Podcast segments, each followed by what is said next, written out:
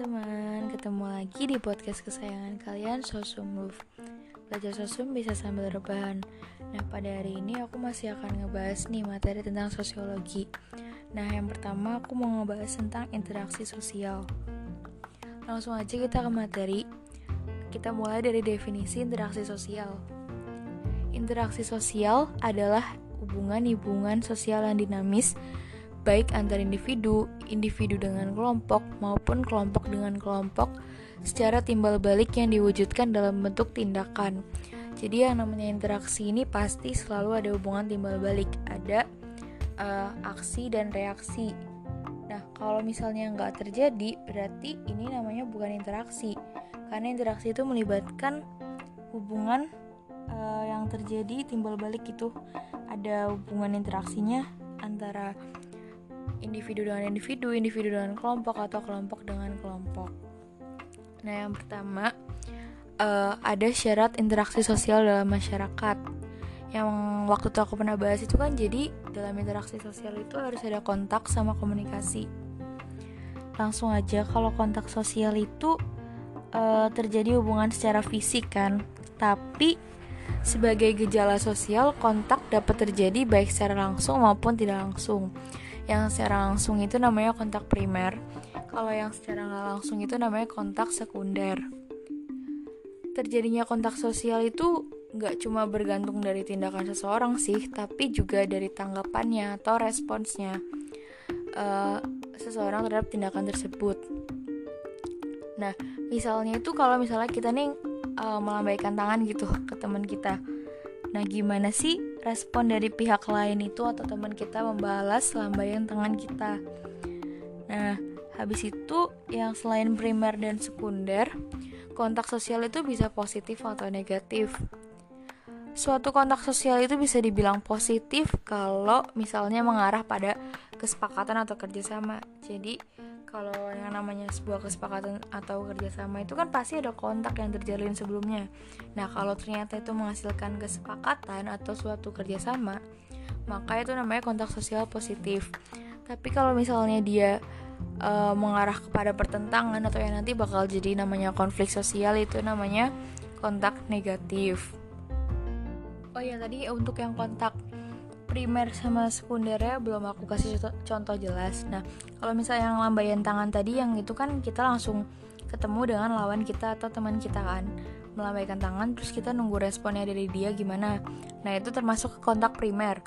Terus kalau kontak sekunder itu nanti ada dua lagi, ada sekunder langsung apa nggak langsung. Nah, tapi kontak sekunder kan ini emang pada intinya itu ada uh, medianya kan. Nah, kalau misalnya kontak sekunder langsung, kita tuh langsung ketemu sama pihak yang akan berinteraksi dengan kita. Misalnya video call gitu kan Skype.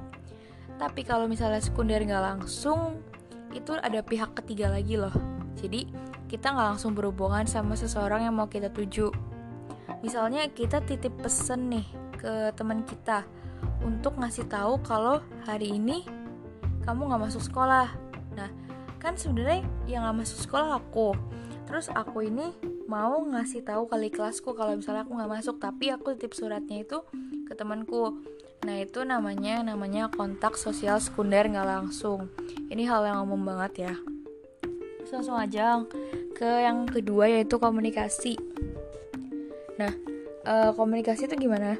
Komunikasi itu e, di mana terjadinya pertukaran informasi atau berita dari suatu uh, bukan pertukaran sih tapi lebih kayak ke proses penyampaian dan penerimaannya. Nah nanti itu akan ada yang namanya komponen dari suatu komunikasi. Nah kalau misalnya di antara kontak atau komunikasi itu ada yang nggak terpenuhi maka itu namanya bukan interaksi. Oh ya btw uh, eh, aku mau bakal kasih tahu dulu tentang 5 komponen komunikasi.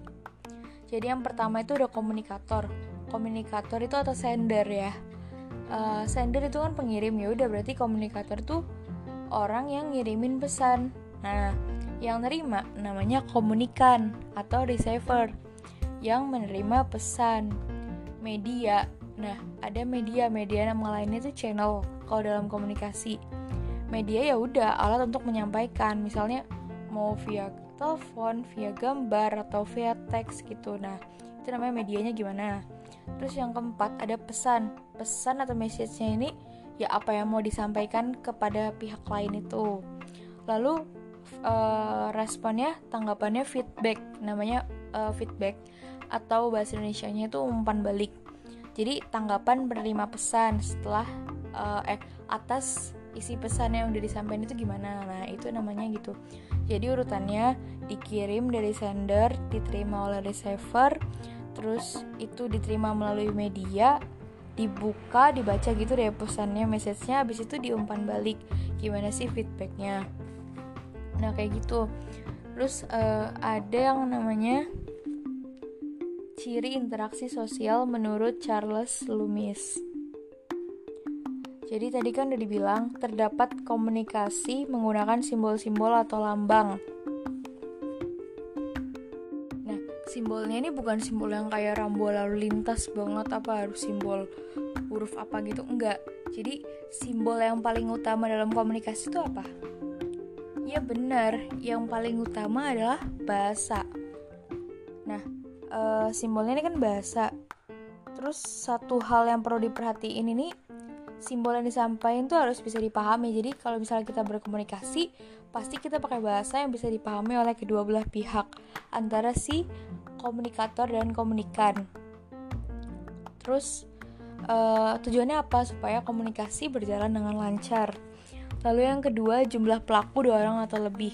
Namanya komunikasi, kita nggak mungkin dong ngomong sendiri. Pasti itu ada dua orang. Dua orang lah minimal, lebih boleh. Tapi yang pasti kita nggak akan ngomong sendiri. Karena kita butuh pihak lain untuk diajak berkomunikasi. Lalu ada yang namanya terdapat tujuan yang akan dicapai uh, kalau kita lagi berkomunikasi itu biasanya kita membicarakan suatu hal yang punya tujuan kan? Nah eh, pihak-pihak uh, yang terlibat dalam komunikasi ini punya tujuan itu yang harus dicapai. Jadi nggak menutup kemungkinan kalau misalnya ada tujuan yang berbeda uh, antara orang yang berkomunikasi tapi tujuan tersebut pun bisa nentuin apakah interaksi akan mengarah kepada kerjasama atau mengarah kepada pertentangan. Nah, uh, kurang lebih kayak gitu. Lalu yang terakhir ada terdapat dimensi waktu, meliputi masa lalu, sekarang atau masa depan. Ya ini jelas ya. Dalam suatu komunikasi pasti kita punya dimensi waktu masa lalu, tentang masa sekarang atau masa depan. Nah, kayak gitu sih. Terus yang selanjutnya ada faktor-faktor yang mempengaruhi interaksi sosial. Ini paling sering banget keluar uh, setiap aku tryout di sekolah atau di simulasi UNBK sosiologiku atau mungkin uh, tryout UTBK ini pasti ada. Ini gampang banget. Kita mulai dari yang pertama empati. Empati itu apa? Empati itu kemampuan merasakan keadaan orang lain. Intinya kayak gitu. Misal ya kita uh, menurut aku ini lebih gampang kalau langsung ke contoh. Misalnya kita lihat orang yang baru aja rumahnya kebakaran. Ini pasti kalian mungkin ada dari kalian yang punya temen kena musibah kayak gitu dan uh, kita sebagai temennya pasti muncul yang namanya empati. Empati itu rasa merasakan perasaan orang lain kan. Nah, uh, bukan perasaan gimana ya maksudnya jangan baper dulu. Nah, ya udah kita sebagai temennya pasti kita misalnya kita nih galang dana ala-ala gitu ya. Buat siapa itu? Uh, bangun kembali rumah Raihan misalnya kayak gitu. Nah yaudah kita uh, galang dana untuk si Raihan nih. Kalau kita ikut beraksi kita ingin membantu seseorang kita memiliki ketertarikan untuk merasakan perasaan apa yang dirasain orang lain itu namanya kita udah berempati. Jadi kita tuh kasihan sama orang lain tapi kita juga ada aksi gitu deh intinya uh, bedanya sama simpati. Simpati itu cuma kita tertarik doang. Tertariknya nggak harus masalah sedih kayak bantuin korban bencana gini. Bisa jadi masalah seneng. Di mana kita oh kita apa ya kita uh, excited gitu sama suatu hal. Tapi ya udah excitednya itu ya cuma sebatas simpati. Nah simpati ini juga termasuk faktor yang mempengaruhi interaksi sosial. Maksudnya gimana nih kalau uh, uh, simpati itu contohnya misalnya nih kita punya adik nah adik kita tuh pinter banget. Nah akhirnya pas juara uh, pas kelulusan itu kan dibacain kan juara UN gitu. Nah di kita dipanggil lah tuh naik ke panggung. Nah yaudah terus kita pasti bangga dong sebagai kakaknya. Nah itu namanya kita simpati. Kita ikut merasa tapi merasa untuk diri kita sendiri dan kita nggak ngelakuin aksi apa pun kan itu bedanya simpati tuh kayak gitu. Jadi cuma kayak perasaannya doang. Tapi kalau misalnya empati itu kita ada aksinya. Terus yang selanjutnya itu ada identifikasi. Uh, maaf kita mulai dari imitasi dulu ya. Uh, ada imitasi. Imitasi itu yang kayak gimana? Imitasi itu kalau kita meniru sikap atau tingkah laku seseorang tapi nggak secara berlebihan sih. Jadi kayak sebagian misalnya kita ngefans sama siapa ya kita katakanlah adalah BTS gitu. Nah kita saking ngefansnya kita beli deh tuh apa sih baju-baju yang kayak Jimin gitu terus kayak siapa ya kayak Jungkook kayak gitu-gitu deh. Terus kita tuh beli baju yang sama terus yang sama kayak dia atau kita mau nyoba gaya rambut atau ya atau. Nah bedanya sama identifikasi ini untuk menjadi sama misalnya kita suka sama BTS kita ya bener-bener mau jadi BTS jadi apa pun rintangannya kita ingin menjadi sama dengan suatu, suatu individu. Tujuannya untuk apa? Untuk mencapai suatu keidealan. Nah misalnya kita ngefans BTS tadi katakanlah siapa Jimin ya. Ya udah kita udah ngikutin gaya rambut di cat blonde kita masih beli sepatu yang sama persis sama dia. Gaya bicara sama persis diikut-ikutin gitu terus ada lagi gaya berpakaian kita juga terus beli mobil yang sama kayak Jimin. Nah pokoknya semua deh di copy paste. Nah itu namanya identifikasi. Lalu ada motivasi. Motivasi itu pasti udah sering banget dong. Kita kalau ada kata-kata bagus dikit langsung jadiin quotes motivasi gitu ya di post. Terus ini tuh contohnya gimana? Motivasi itu dorongan baik untuk melakukan satu tindakan. Jadi di mana misalnya nih contohnya nih uh, aku itu ikut les piano dan guru pianoku itu ngedukung aku. Katanya aku bisa jadi pianis yang handal aku bisa jadi lebih dari dia. Nah aku termotivasi dengan kata-katanya. Aku giat aku bertindak. Gimana caranya aku bisa ngebuktiin kata-katanya? Aku termotivasi. Di situ namanya motivasi. E, lalu ada yang namanya sugesti. Sugesti itu proses penerimaan sikap atau pandangan dan pendapat orang lain tanpa dipikir ulang. Nah, ini biasanya kayak iklan gitu sih, menurut aku. Jadi misalnya iklan, uh, nikmati kulit putihmu dalam satu malam. Nah, kita kalau udah kesugesti, kita bakal percaya-percaya aja sama uh, apa namanya iklan tersebut. Kita mau putih dalam satu malam itu kan nggak mungkin, kecuali kita habis nyebur ke cat gitu ya kalau kita putih dalam satu malam coba pakai sabun itu kan nggak mungkin. Jadi tanpa kita pikir ulang ya kita tetap beli produknya gitu. Walaupun memang produk itu bisa memutihkan tapi ya butuh waktu lah. Kita cuma kemakan iklan aja gitu istilahnya. Nah udah deh. Uh, jadi itu tadi faktor-faktor yang mempengaruhi interaksi sosial ya. Ada enam ya. Imitasi identifikasi empati simpati motivasi sugesti. Langsung aja ada jenis interaksi sosial. Jenis interaksi sosial itu ya ada individu antar individu. Jadi suatu individu menyampaikan informasi kepada individu lain. Misalnya aku ketemu nih sama temen aku. Namanya siapa ya? Let's say namanya temen aku itu Afifah. Terus aku ketemu di jalan sama Afifah dan kita tukar informasi. Kita tahu misalnya aku nanya kamu tahu nggak Fa jadwal busway itu jam berapa? Terus Afifa jawab busway jam segini nih ini ini ini ini gitu. Nah itu namanya tukar informasi dan terjadi interaksi kan karena ada kontak ada komunikasi. Itu namanya interaksi sosial individu ke individu. Lalu kalau individu dan kelompok misalnya nih aku ini seorang guru terus aku ngajar anak-anakku di kelas kelas 12 IPS 1 kayak gitu.